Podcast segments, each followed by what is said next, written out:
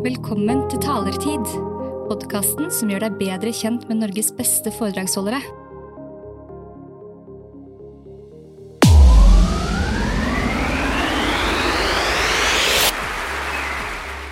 Wow. Kimya Sayadi, du har valgt å jobbe på heltid med å hjelpe norske virksomheter med mangfold og inkludering. Når og hvordan og hvorfor bestemte du deg for det? Jeg husker veldig godt at eh, det var første uken på jussen, så besøkte jeg de ulike advokatfirmaene. Og jeg husker spesielt en gang hvor jeg kom inn i et firma hvor ingen så ut som meg.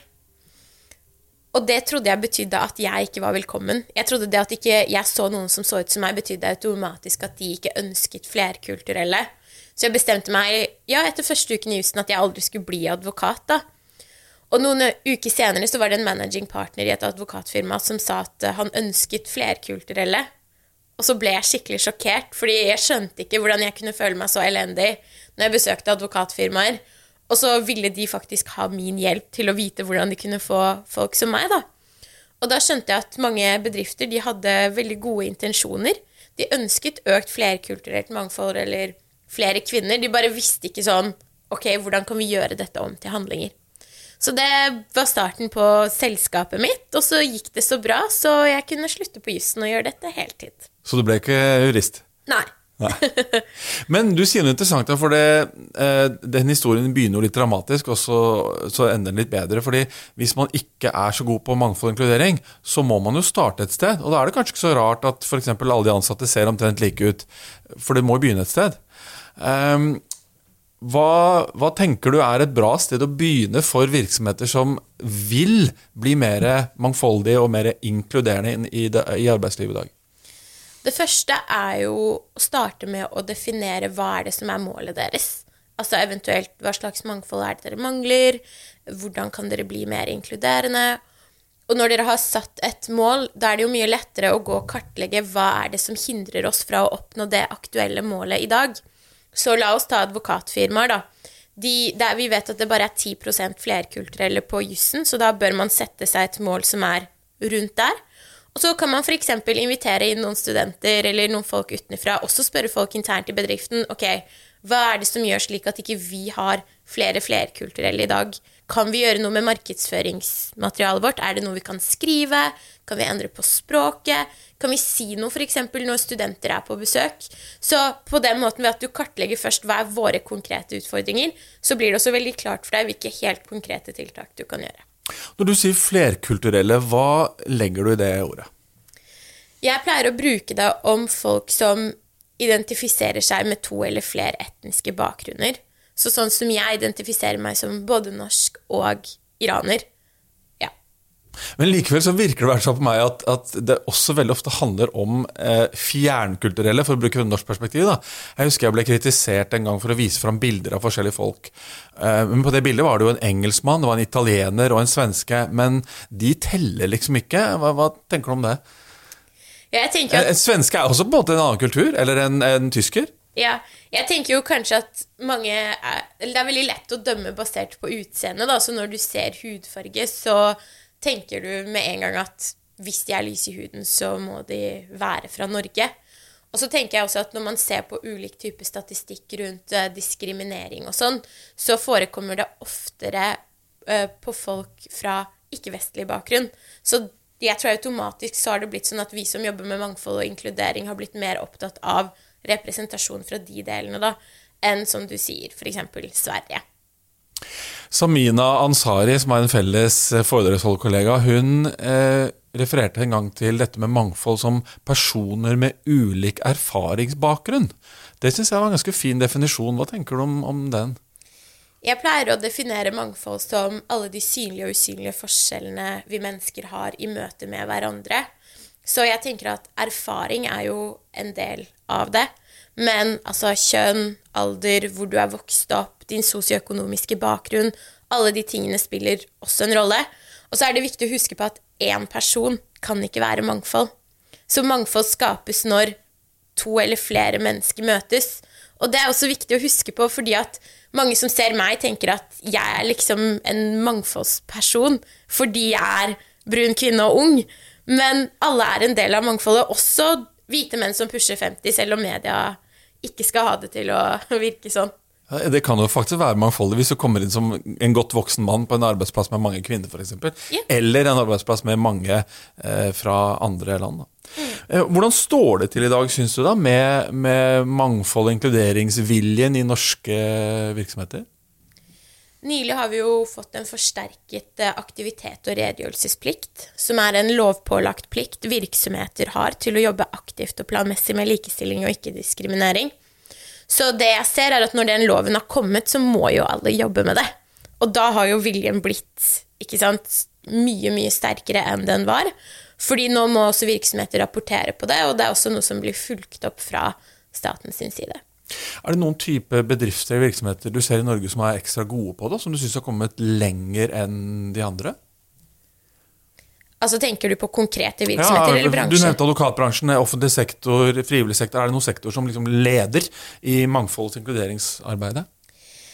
Det som er litt skummelt, skummelt her, er jo på en måte at man dømmer ut ifra de man ser snakker høyest om det. Ja. Og her syns jeg jo at privat sektor de er jo ute sant, på konferanser og snakker om det og skriver saker om det. Så det er, for meg så fremstiller det som at det er på en måte de som ligger litt foran. Og så tenker jeg også på hvem er det som kontakter meg. De fleste som kontakter meg for foredrag eller vil ha hjelp til strategier, har hovedsakelig vært det private. Men nå begynner jeg liksom å se at det offentlige begynner å komme etter, da.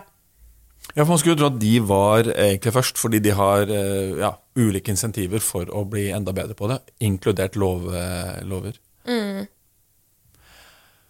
Det er et spennende Jeg, tema. jeg vet ikke, jeg vet ikke. Nei, eh, Mitt inntrykk er jo at mange virksomheter har blitt mer opptatt av det. og Du nevnte advokatbransjen, jeg har jobbet en del med det. og jeg ser jo også eh, På talerlisten så ser vi at flere av advokatfirmaene har tatt kontakt sant, for å få hjelp til bl.a. rekruttering, til tilrettelegging. og de, Jeg opplever i hvert fall at deres ønske er ganske genuint. Også fordi de tradisjonelt, som du sa, har kanskje ikke vært så gode på det, av ulike grunner. Det har vært veldig mange menn i dress som bor på spesielle steder i Oslo f.eks.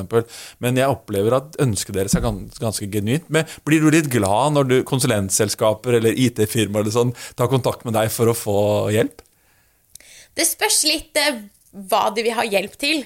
Fordi det er en veldig stor forskjell på det å ha igjen gode intensjoner og det å ville gjøre gode handlinger. Og det jeg ser, er at det å f.eks. få meg inn da, for å gi noen tips på hvordan du kan forbedre rekrutteringen eller marketingen, det er ikke bærekraftig. Det som er bærekraftig, og det som skaper resultater, er når tiltakene blir en del av en større strategi, hvor man har et konkret mål, så kan man bruke de tiltakene og evaluere de. ikke sant? Sånn, ok, Bidro de faktisk til å oppnå målet eller, ikke? Det er jo den eneste måten å evaluere tiltak på. Og også at du har en ledelse som på en måte følger opp arbeidet seriøst eh, og ser om de tiltakene har fungert. Og når ikke dette er på plass, igjen når det kun er én workshop med meg og inspirasjon, så blir det glemt en uke senere. Så ja. Det spørs på henvendelsen.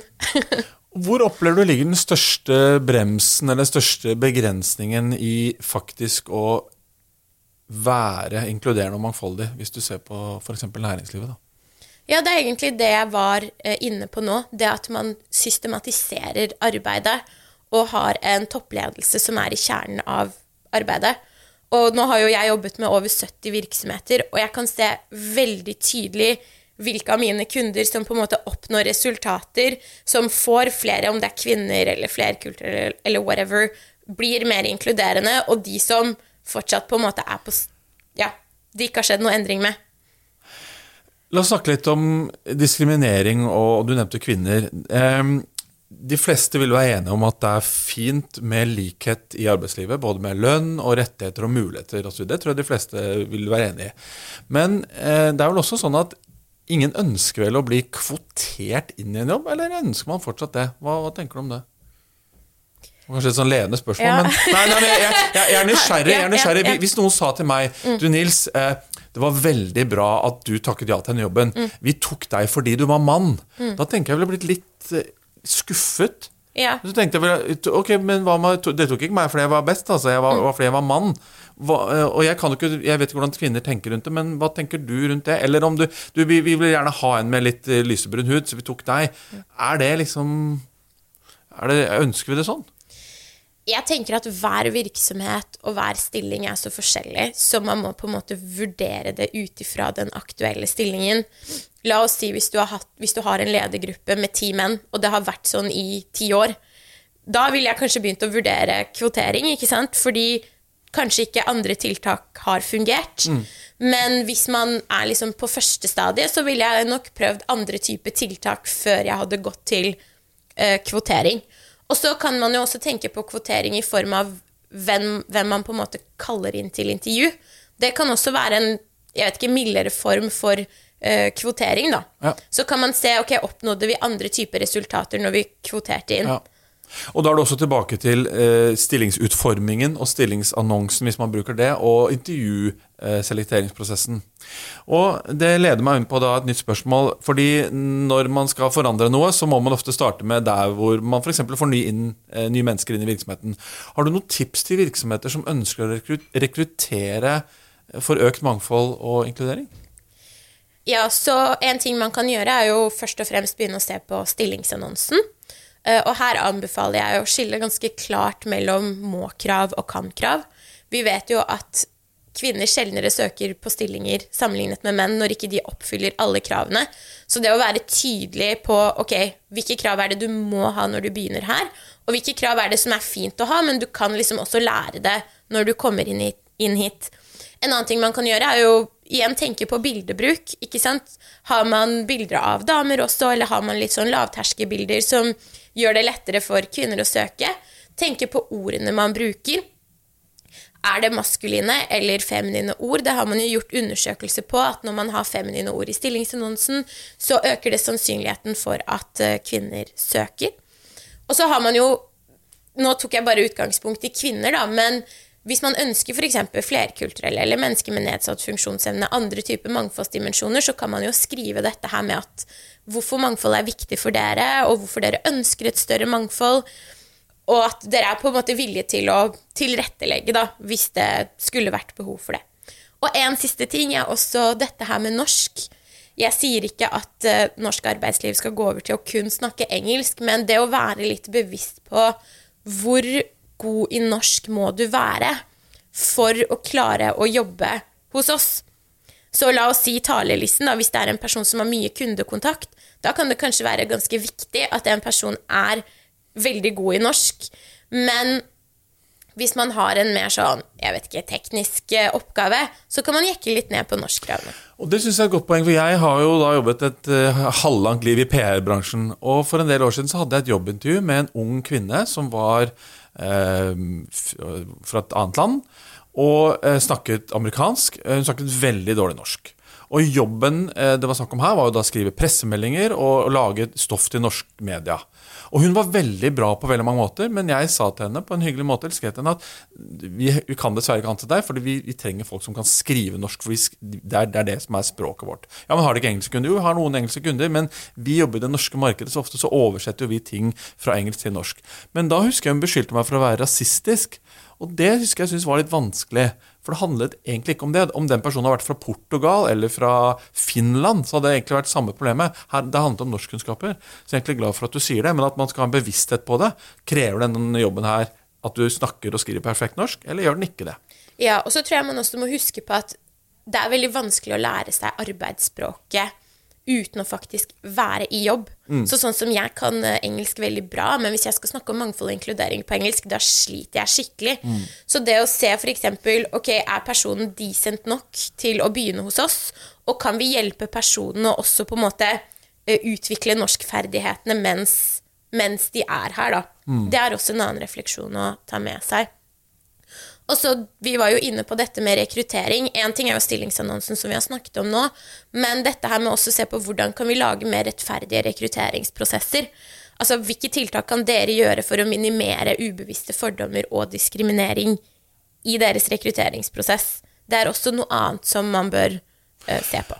tror jeg er kjempelurt. Har du noen eksempler på en sånn ubevisst bias, eller, eller uh, ja, eh, Ja, så Et eksempel her kan jo være hvis man ser noen som har gått på et universitet man ikke kjenner til, da.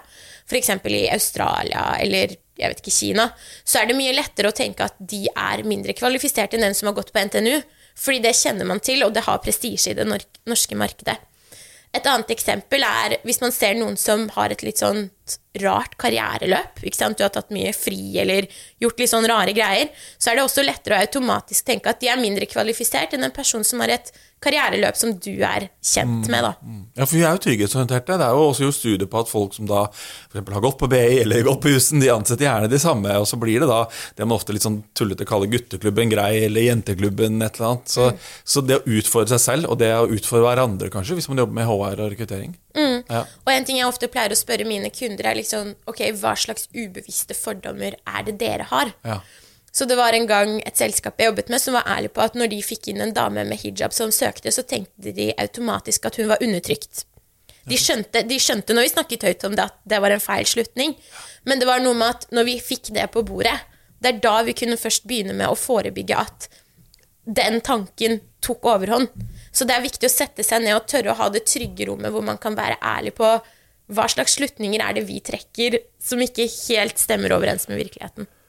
Nå er det sånn Kim, at Veldig mange lederstillinger da besettes jo av ja, folk som er eh, kanskje 50-60 år, det er ofte en mann, det vet vi fra undersøkelser osv., og, så videre, og som kommer fra en viss generasjon. Tror du at disse mangfolds- og inkluderingsproblematikkene blir bedre når din generasjon eh, om noen år sitter i lederstillinger? Jeg tror det hvis utviklingen fortsetter på samme måte som det har gjort til nå. Men man ser jo, eller hvis man ser på verden, så ser man jo at det blir mer og mer på en måte polarisering. Så det kan også hende at det går liksom motsatt vei. Og det er derfor jeg alltid pleier å, pleier å si at på en måte mangfold og inkludering og minoriteters rettigheter, det er en ferskvare. Og vi må aldri ta det for gitt. Man ser det i Afghanistan, man ser det i Iran. Altså, Lukker du øynene to sekunder, så har du ikke rettighetene dine i morgen. Og vi ser også i mange andre land rundt om i Europa hvor de innskrenker abortrettighetene. ikke sant? Og jeg tenker at vi kan ikke ta for gitt at dette ikke kan skje i, i Norge. Så vi må hele tiden passe på. Vi har snakket litt om rekruttering, men vi vet jo også at eh, det er viktig å holde på folk, og de fleste virksomheter eh, bruker mye penger på rekruttering, men det er jo dyre penger hvis ikke folk blir i virksomheten og trives og har det bra. Og Du er også engasjert, i hvert fall skrevet en del om dette som skjer på jobben. På, I kontorene, på, på kvelden, sosiale arrangementer. Har du noen tips til virksomheter som da ønsker å være mer inkluderende på hva de gjør rundt selve miljøet på jobben? Mm. Så først og fremst er et tips som jeg vil gi, er å investere i mangfoldsledelse. Det at ledere får økt kompetanse rundt hvordan fungerer ulike typer folk, og blir bevisst på sin eh, blindsone, er ganske viktig. Og så for å komme med helt konkrete eksempler, da. Det å tenke over hva slags aktiviteter er det vi arrangerer. Er det f.eks. alltid fyll som eh, er involvert, eller har vi også aktiviteter uten alkohol? Mange ønsker ikke å drikke av helt ulike årsaker. En annen ting er å tenke på tidspunktene på aktivitetene. Ikke sant? Hvis man har alle møter klokken åtte om morgenen og sånn sent på kvelden, så er det ikke sikkert at småbarnsforeldre kan, kan være med. Tenk over også maten. Eh, er den liksom tilpassa ulike folk? Er den merka? Jeg husker veldig godt på jussen så turte ikke mine muslimske venner å spørre om det var svinekjøtt på pizzaen, fordi de ønsket ikke å være til bry, så de lot være å spise i mm. stedet. Mm. Og det siste og beste tipset er rett og slett å spørre de ansatte hva kan vi gjøre for å bli mer inkluderende. Fordi jeg er sikker på at de vet svaret på hvor på en måte deres problemer ligger, mye bedre enn det jeg kan gi. da. Det synes jeg var veldig mange gode råd. Er det noen ulemper med for mye mangfold? Sånn du ser det? Kan det være noen, det være noen negative ting med at, at det blir for, ja, for, mye mangfold på jobben? Altså, Jo større mangfold man har, jo vanskeligere er det å lede. Så jo større den spennvidden blir, jo, jo, flere konflikter kan oppstå, jo flere misforståelser, jo, fordi det er også mange flere behov. Og det, det, er derfor jeg sier at det er viktig å investere i mangfoldsledelse. Fordi du som leder må kunne vite hvordan er det du kan lede Nils på litt over 50 og Kimia på 24 liksom i samme team på en god måte, da. Mm. Det blir mer komplekst, kort og godt. Ja, ja, ja. Det, men jeg tror også mer spennende. Fordi vi mennesker er jo ofte, i hvert fall min erfaring, da, at man, vi er ofte trygghetsorienterte. Og vi, ofte, vi har litt sånn skepsis når det ting. Men ofte når vi blir kjent med en annen person Det kan være en som har sittet i fengsel, det kan være den første personen du snakker med som er åpent homofil, eller en som er transkjønnet. Det kan være folk som har opplevd krig eller konflikt, eller hva vet jeg så, så, blir jo de fleste mennesker litt fascinert av det. Men vi må bare ofte komme over den der første frykten. da. Mm. Så, så kanskje det gir et, et rikere arbeidsliv og et rikere liv, eh, disse tingene. Ja, og så vil jeg legge til dette her med forutsetningen for alt det du sa nå, er psykologisk trygghet. Ja. Og jeg vet at psykologisk trygghet det er litt vagt og sånn, men hvis man ikke har den tryggheten i bunn, da kommer man ikke til å tørre å bli kjent med hverandre, man tør ikke å stille spørsmål, man tør ikke å si fram sine behov til lederen. Så det er helt fundamentalt, da. Og Der har jeg også lyst til å komme med en sånn eh, slags oppfordring. Jeg tror det er veldig viktig Jeg tror veldig mange eh, du var inne på det, da syns dette er litt vanskelig. Så hvis du som hører på nå, representerer en form for minoritet, eller opplever selv at du er i mindretall, så du kan jo gjerne hjelpe leder også si vet du hva, eh, det var kjempehyggelig med den lunsjen på jobben dag, men det var veldig ålreit neste gang om det også var et alternativ uten svinekjøtt. Eller kunne vi en gang kanskje samles uten å drikke all den ølen? Altså Det å hjelpe istedenfor å vise pekefinger eller knyttneve, da, tenker jeg i hvert fall er en fin ting. Ja, og snakker, vi snakker altfor sjelden om hva er det som er minoriteters ansvar når vi snakker om mangfold og inkludering. Så det er så mange jeg ser som bare sitter og bare klager og klager over eh, alt som er elendig, og så er det noe med sånn Hva er det du gjør for å bidra? Og lederen din kan ikke sitte i hodet på deg. Så du har ansvar om å bidra, om å si fra, om å være med på å forme denne utviklingen, i tillegg til lederen din, da.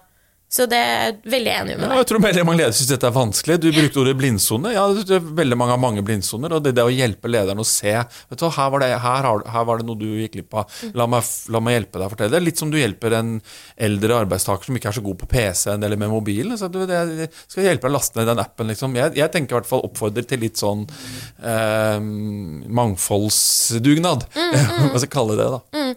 Og det er derfor når man jobber med mangfold og inkludering i virksomheten, så er det viktig at ikke det kun blir liksom for ledere og for ledelsen, mm. men at man også bruker tid og investerer i opplæring av de ansatte. Mm. Fordi de må også forstå hva er det inkludering og mangfold dreier seg om, for at de skal kunne være med på å bidra og være med på å gi gode feedbacks. da. Er det noen ledere eller bedrifter eller virksomheter i Norge du syns er skikkelig gode på dette, som du, som du gjerne trekker fram eller ser opp til eller, eller peker på, som, se på, se på disse? Ja, så det er to. Eh, den første er Eller det er flere, men to jeg ønsker å trekke frem her, er Statens vegvesen, IT-divisjonen. Okay. Jeg, jeg blir litt rørt. Men eh, da vi begynte å jobbe sammen for ett år siden, så ønsket de jo på en måte flere kvinner og flere unge. Og da, skjønt, og da tok vi nettopp dette her og satte mål, gikk inn og undersøkte problemene og satte tiltak. Og vi har fått med liksom ledergruppen og alle lederne og det vi nå ser, er at de har faktisk fått flere kvinnelige, kvinnelige, ledere, de har fått flere unge. Så det viser faktisk resultater, fordi de er så sykt dedikerte. Og de gjør alt etter boka, og det gir resultater. Uh, og det, den andre virksomheten de heter Sebra Consulting. Jeg er uh, styremedlem i det selskapet. Og de begynte å liksom, jobbe med mangfold og inkludering fra de var null ansatte. Og det syns jeg er veldig spennende, fordi det viser at man trenger ikke å være 500 ansatte for å få det til. Og det jeg syns er veldig interessant med Sebra, er at de måler inkludering eh, hver måned. Og de har også litt sånn interessante mangfoldsdimensjoner ved at man f.eks. har et mål om at vi skal ikke rekruttere flere enn 50 eh, fra NTNU. Ikke sant? For man ønsker mangfold i utdanningsbakgrunn, f.eks. Mm. Så de, ja, de er ganske imponert over. Så gøy. Du, du, holder mange foredrag om dette, du holder workshops og kurs osv. Hvis du tar et foredrag, hva ønsker du at publikum skal sitte igjen med eller tenke når de går ut eh, og du går ned fra den eh, scenen? Mm, det er to ting. Det første er en sånn skikkelig motivasjon til å jobbe med dette. Og det andre er at de skal på en måte ha de konkrete verktøyene for å jobbe med dette. Så når de går fra mitt foredrag, så skal de ha noen konkrete holdepunkter. liksom, Ok, disse tre tingene skal jeg gjøre etter dette foredraget. Det er de to tingene som er viktigst for meg. Du driver et lite selskap, eh, Big Enough Global. Eh, hvis det selskapet eh, om noen år er veldig stort, 100 ansatte, hvordan ser det ut da, tror du? Oh my god, det vet jeg ikke! aner ikke. Jeg aner virkelig ikke. Men, men en ting jeg tror jeg har lyst til å fokusere på mer i fremtiden, er e-læring. Fortell. Ja, jeg, jeg, tror bare at hvis virksomheter skal ha råd til å investere i mangfold og inkludering, eh, og trene alle sine ansatte opp, og alle lederne, så har de ikke råd til å få inn f.eks. meg, da, til å holde 40 workshops. Jeg tror man må basere seg mye mer på e-læring, eller en kombinasjon da, av på en måte fysiske workshops, foredrag og e-læring, for å få til dette her. Uh, ja, ressursmessig, egentlig.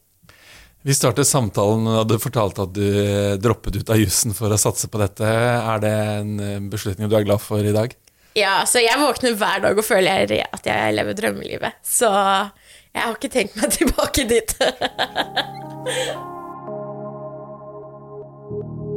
Takk for at du lytter til Talertid. Du kan lese mer om denne episodens gjest på talelisten.no. Har du spørsmål eller ønske om en gjest vi bør snakke med? Send en e-post til nils at talelisten.no. Talertid. Bak scenen med Norges beste foredragsholdere.